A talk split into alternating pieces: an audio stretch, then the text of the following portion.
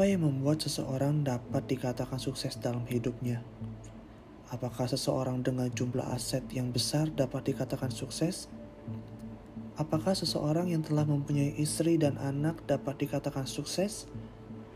Atau apakah seseorang yang telah mengelilingi setiap negara yang ada di dunia ini dapat dikatakan sukses? Aku yakin semua orang memiliki definisi tersendiri akan hal ini. Sukses dalam hidup bagiku adalah ketika aku dapat benar-benar mengerti dan mengetahui siapa aku sebenarnya.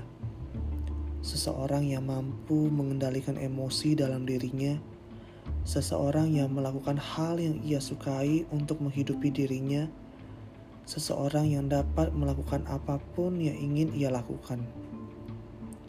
Seseorang dengan uang yang banyak belum bisa dikatakan sukses dalam hidupnya apabila ia masih tidak mengerti siapa dirinya.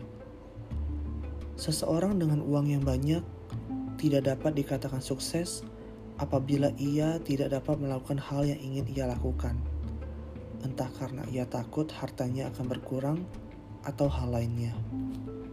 Seseorang yang telah memiliki keluarga kecil juga belum dapat dikatakan sukses. Apakah seseorang yang tidak menikah, tetapi ia melakukan hal yang ia sukai untuk menghidupi dirinya, tidak dapat dikatakan sukses. Apabila ia lebih menyukai untuk menjadi seorang diri, melakukan segala hal sendiri, melakukan hal yang ia sukai untuk hidupnya, orang itu dapat dikatakan sukses bagiku. Hidup bukanlah tentang orang lain tetapi hidup adalah tentang dirimu sendiri.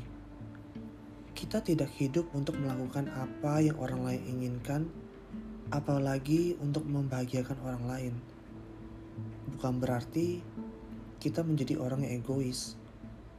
Egois adalah hal yang berbeda. Egois adalah ketika dirimu dengan sengaja melakukan sesuatu yang dapat menguntungkan dirimu sendiri dan secara langsung ataupun tidak dapat merugikan orang lain. Dirimu harus selalu mengutamakan hidupmu, karena itu adalah hidupmu. Sukses hanya dapat diukur oleh dirimu sendiri, karena dirimu yang mengetahui segala hal tentang hidupmu. Orang lain tidak berhak untuk menghakimi apakah dirimu sudah termasuk orang yang sukses dalam hidup atau belum. Tetapi ya, tetap saja semua orang berhak untuk berpendapat.